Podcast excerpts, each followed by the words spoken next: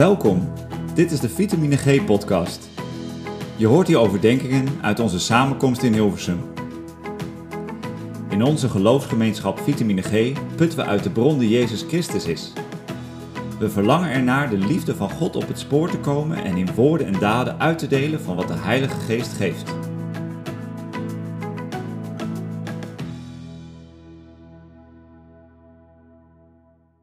Soms denk je van tevoren na van, uh, ik ga ergens naartoe en waar zal het dan over gaan en welk onderwerp uh, moet ik dan uh, kiezen, welk bijbelgedeelte.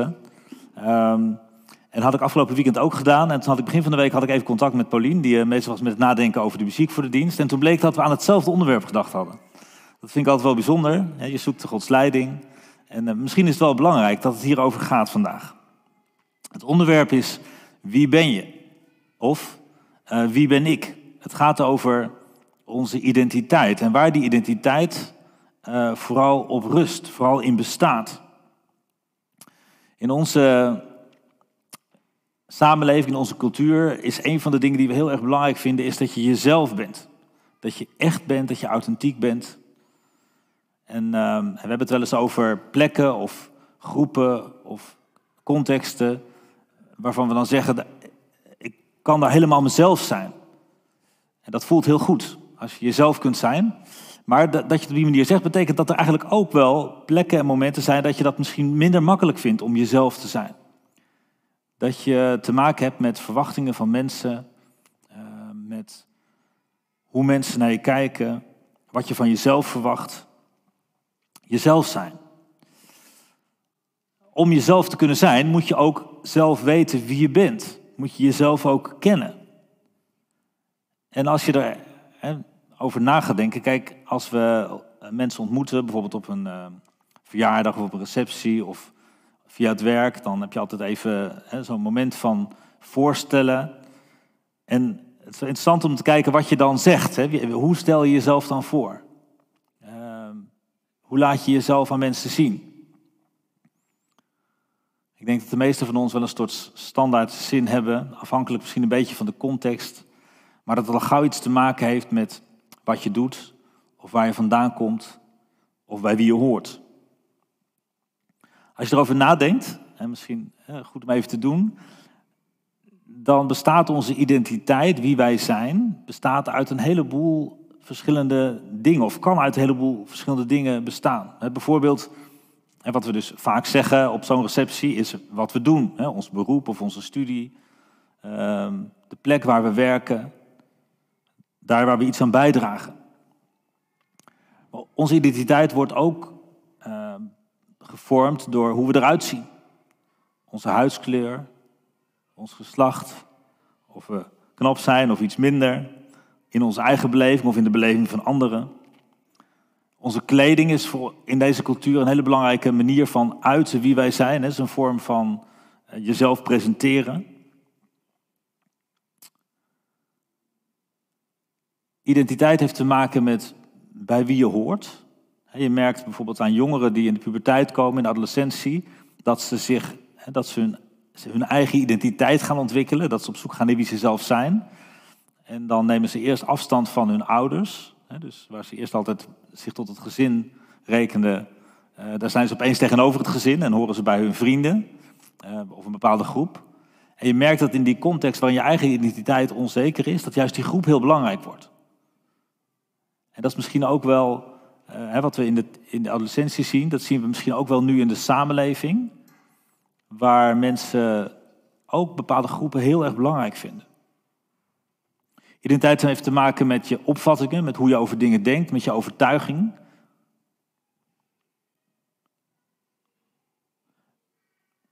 Waar je goed in bent, waar je aanleg voor hebt. Maar in ons denken over identiteit spelen heel vaak ook de stemmen van anderen mee. Wat anderen van ons vinden, hoe anderen over ons denken. Hoe kijken we naar onszelf? Vaak ook met een voor een belangrijk deel met de ogen van anderen. Je merkt in onze samenleving dat we ook, hè, de, de, de, social media zijn ontzettend belangrijk. De beelden die je van jezelf laat zien, de momenten van je leven die je met anderen deelt. En het lijkt wel alsof onze identiteit, hoe we ons presenteren, ook haast iets, iets maakbaars is. Iets, een soort project, iets waar je zelf vorm kunt geven. Ten diepste heeft onze identiteit ook te maken met de, de relaties die we in ons leven hebben. We zijn het kind van onze ouders. Er zijn maar weinig dingen die ons zo bepalen als onze vader en onze moeder, het gezin waarin we opgroeien. Met alles wat het met zich meebrengt en wat het misschien ook wel ingewikkeld maakt. Ik heb in de loop van de jaren heel wat mensen begeleid in het pastoraat die te maken hebben met stemmen van ouders die nog steeds in hun leven klinken. En nog steeds heel bepalend zijn. Ofwel in positieve zin, maar vaak ook in negatieve zin. Een boodschap die je als kind meegekregen hebt en die nog steeds heel erg jouw zelfbeeld kleurt, bepaalt. Dus identiteit is best een ingewikkeld ding. Er, zijn, er bestaat uit heel veel verschillende stukjes. Het is een soort legpuzzel zou je kunnen zeggen. Maar de vraag die ik vanmorgen zou willen stellen is van al die waarheden die er over jou zijn, hoe je eruit ziet en wat je gedaan hebt en waar je vandaan komt en wat je doet en wat je bijdraagt en hoe je over dingen denkt en bij welke groep je hoort. Wat is van al die dingen nou de diepste waarheid? Wat is de diepste waarheid over jouw leven? Over wie jij bent? Het diepste antwoord op de vraag: wie ben ik? je kunt de vraag stellen, uh, en daar moest ik ook nog aan denken bij de voorbereiding van, weten we dat eigenlijk wel het diepste van onszelf? Ik moest denken aan Psalm 139, waar in de, in de beruimde versie gezegd wordt, Heer die mij ziet zoals ik ben, hè, tegen God, u die mij ziet zoals ik ben, dieper dan ik mijzelf ooit ken, kent u mij.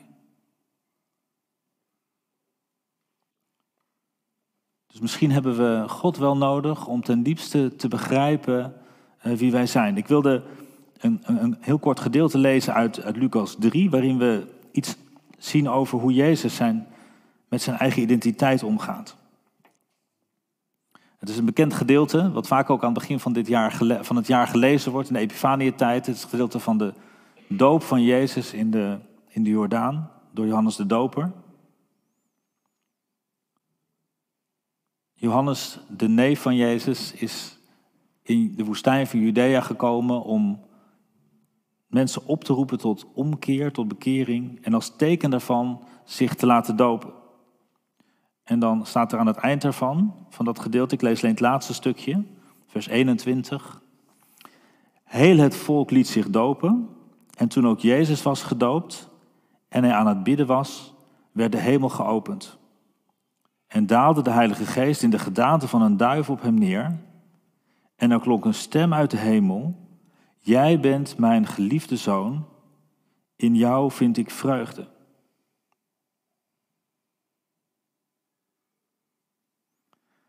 Ik dacht erover na hoe ingewikkeld het misschien ook wel voor Jezus zelf geweest moet zijn om zijn identiteit, zijn roeping te ontdekken. Zijn ware identiteit. Vroeger dacht ik dat dat voor Jezus een soort piece of cake was, hè? dat dat het gesneden koek was. Want hij was immers Gods zoon. Maar wij geloven dat Jezus volledig mens is geworden. Hij was, hè, de geloofsbelijdenis zegt over hem waarachtig God en waarachtig mens. En elders in de Bijbel wordt gezegd dat hij in alle opzichten aan ons gelijk is geworden. Ook onze zwakheden, onze beperkingen, onze worstelingen kent.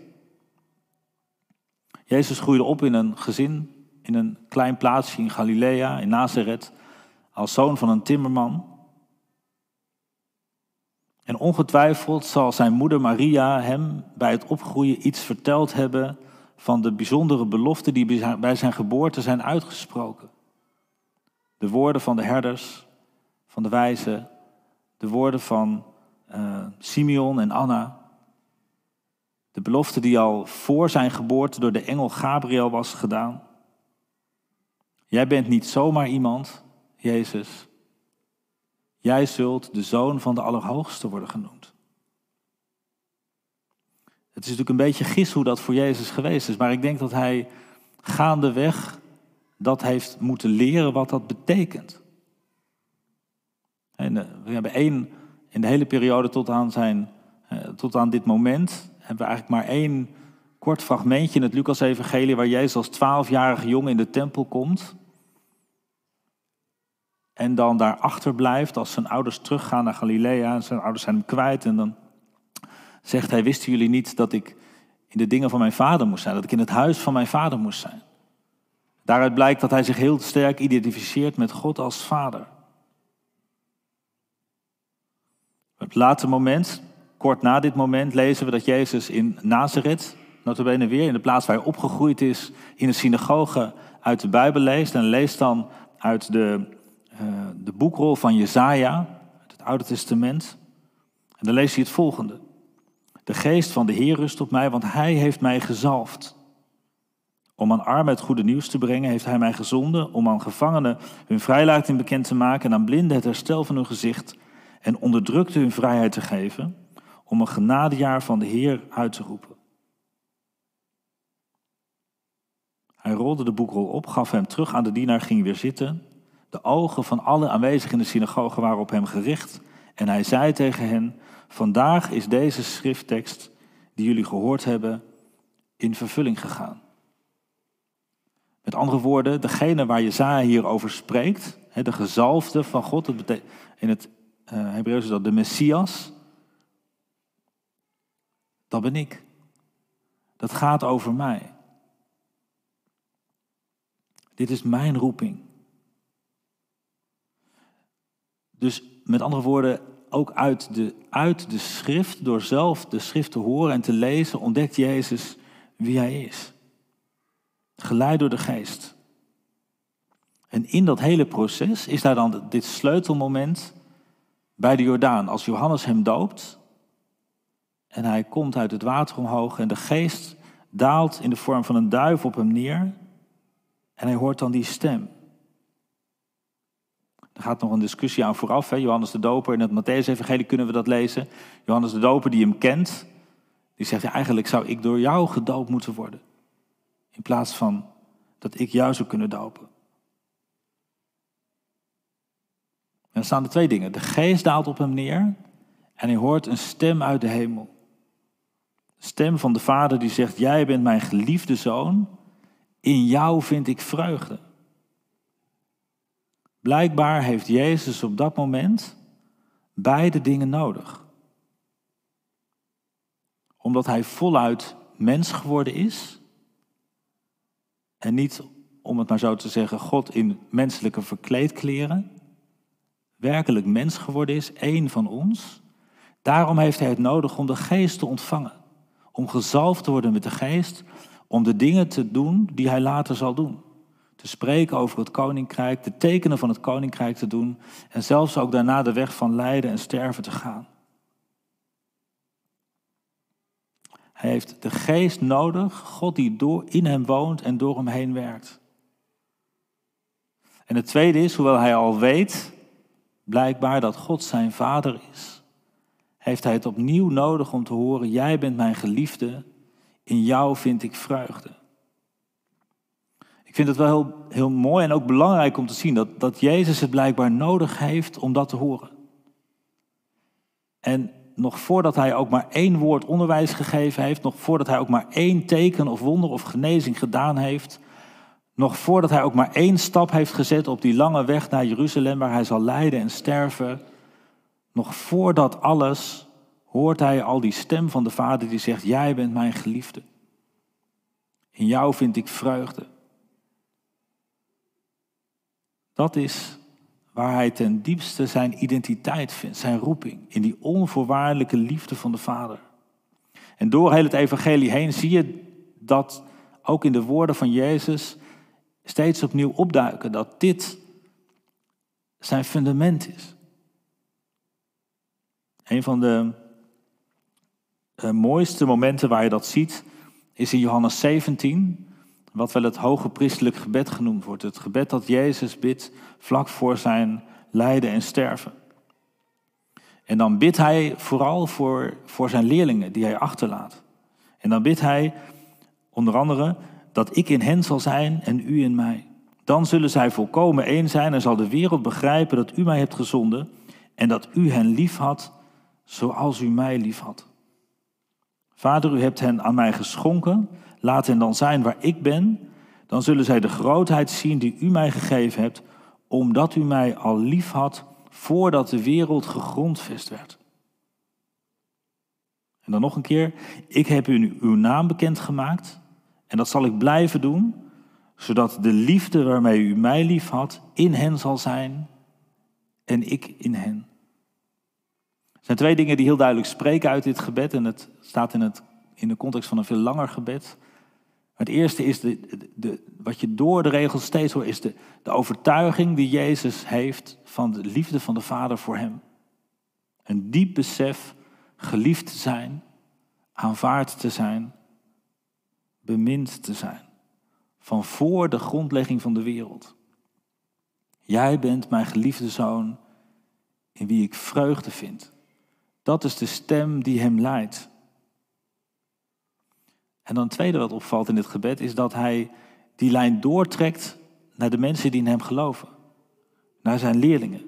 Dat ook zij zullen delen in diezelfde liefde van de Vader. Je zou misschien zelfs kunnen zeggen dat zij delen in diezelfde identiteit als geliefd kind van de Vader. En dat is misschien wel een spannende. Want misschien denk je wel, als ik zo praat over die identiteitsontwikkeling van Jezus, denk je, ja, maar dat is Jezus. Dat is degene die, hè, van wie als enige in heel de wereld gezegd wordt dat hij zonder zonde is. Dat zijn relatie met de Vader ononderbroken is, dat er geen enkel obstakel is. Misschien nogal logisch dat God vreugde in hem vindt. Maar hoe zit het met mij? Ik wilde graag nog een kort gedeelte lezen en dat is uit de brief van Paulus aan de Gelaten. Gelaten 4 vanaf vers 4. En daar zegt Jezus, eh, sorry, daar schrijft Paulus. Toen de bestemde tijd gekomen was, zond God zijn zoon, geboren uit een vrouw en onderworpen aan de wet, om ons, die aan de wet onderworpen waren, vrij te kopen, opdat wij als kind aangenomen zouden worden. En omdat u zijn kinderen bent, heeft God in ons hart de geest van zijn zoon gezonden, die Abba, Vader roept. U bent nu dus geen slaven meer, maar kinderen en als zodanig erfgenamen. Dankzij God.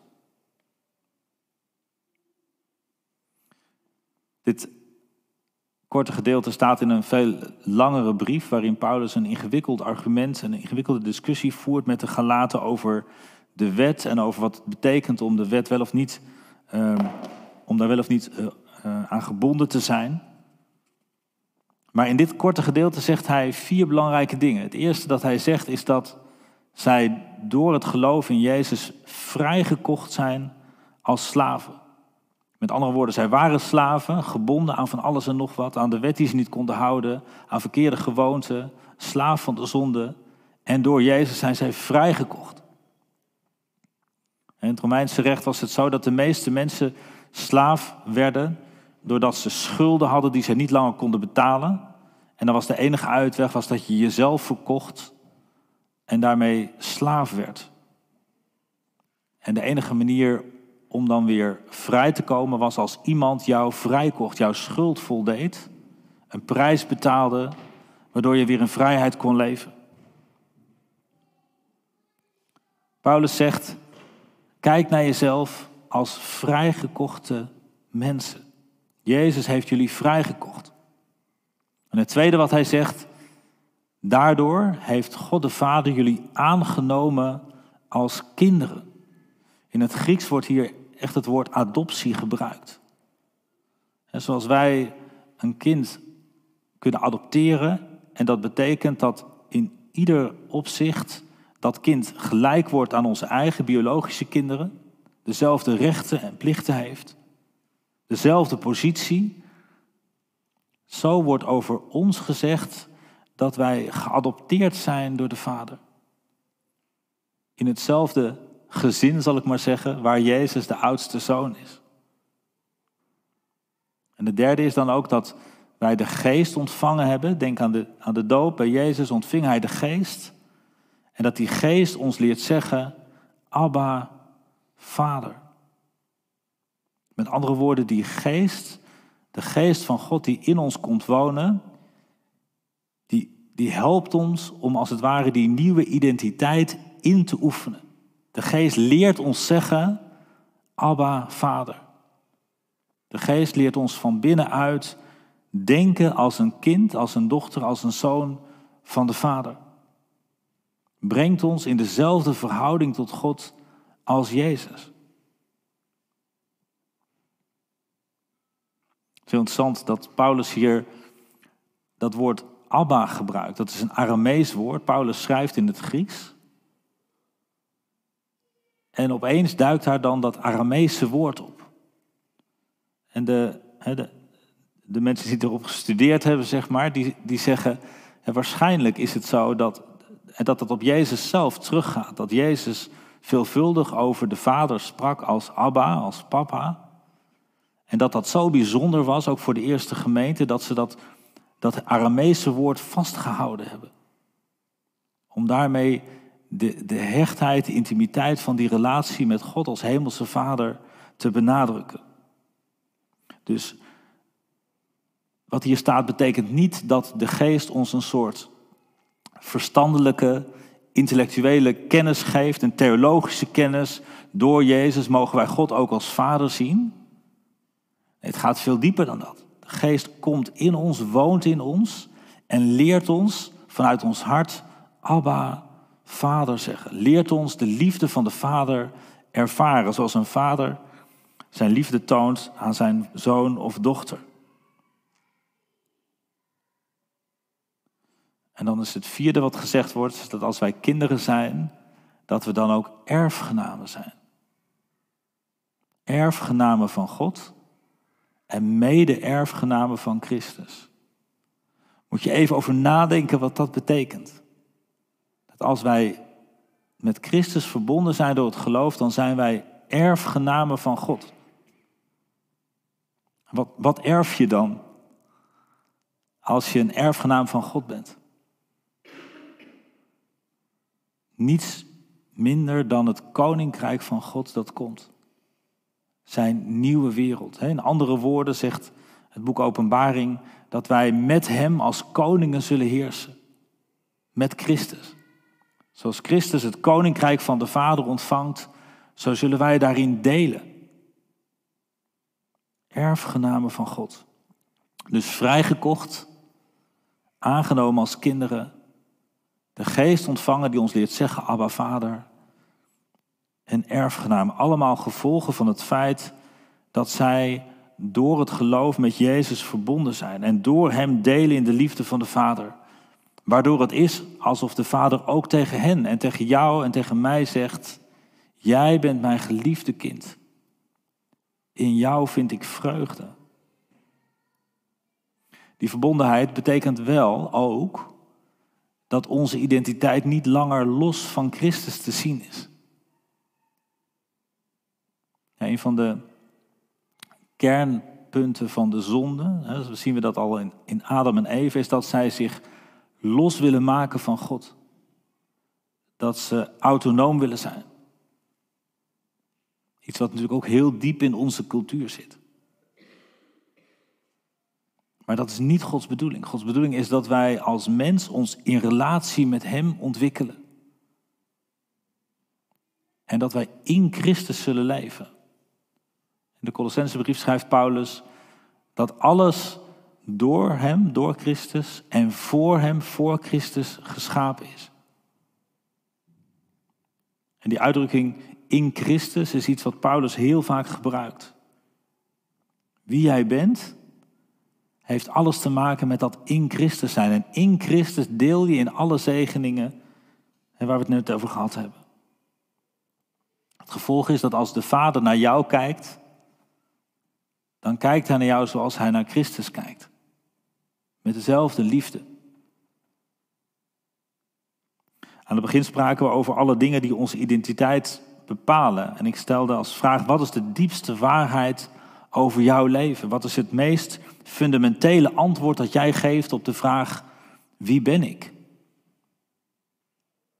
Wordt jouw zelfbeeld vooral gekleurd door, de, door wat je bereikt hebt? Of door wat je misschien niet bereikt hebt? De optelsom van successen, mislukkingen, falen? Wordt jouw zelfbeeld bepaald door de stemmen van andere mensen, wat zij van jou vinden, wat zij van jou denken, want het is vaak onuitgesproken en vaak zit het in jouw hoofd. Hè, wat jij denkt dat zij denken over jou. Bepaalt dat jouw handelen? Bepaalt dat hoe je jezelf presenteert, hoe je jezelf gedraagt? Wat je laat zien op je social media? De vraag is of je dan uiteindelijk niet leeft als een slaaf. Terwijl Gods verlangen is dat je leeft in vrijheid. Als een kind. Als een erfgenaam. Een erfgenaam van zijn koninkrijk, zijn nieuwe wereld. Wat betekent het in dit licht om jezelf te zijn? Het betekent vrijheid. Omdat je leeft uit genade. Niet afgerekend wordt op wat wel en niet lukt in je leven. Een onvoorwaardelijke liefde. Genade. Dus vrijheid. Het betekent in de tweede plaats echtheid. Als dit het fundament van je identiteit is, dan kun je het jezelf permitteren om eerlijk te zijn. Om voor de dag te komen zoals je bent. Je hoeft niet de schijn op te houden, je hoeft je niet beter voor te doen, je hoeft jezelf niet op te poetsen, je hoeft jezelf niet eerst op te werken tot een bepaald niveau. Je mag komen zoals je bent, je mag jezelf presenteren zoals je bent. In alle gebrokenheid die jouw leven misschien ook stempelt.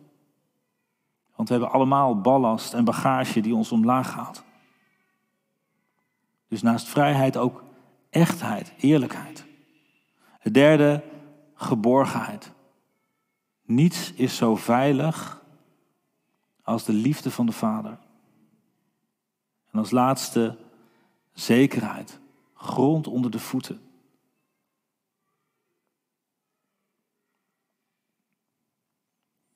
Wie ben ik? Wie ben je?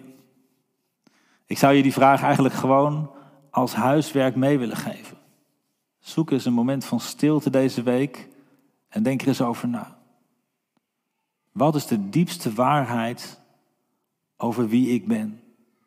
Wat is het meest fundamentele dat ik kan zeggen over mijn identiteit? Het lied dat we gaan zingen geeft daar een antwoord op. You're a good, good father. It's who you are. It's who you are. And I'm loved by you. It's who I am. Dat is wie ik ben.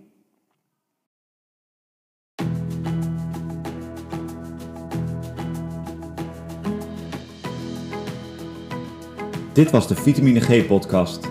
Bedankt voor het luisteren. Ben je nieuwsgierig naar onze geloofsgemeenschap? Kijk dan op vitamineg.net.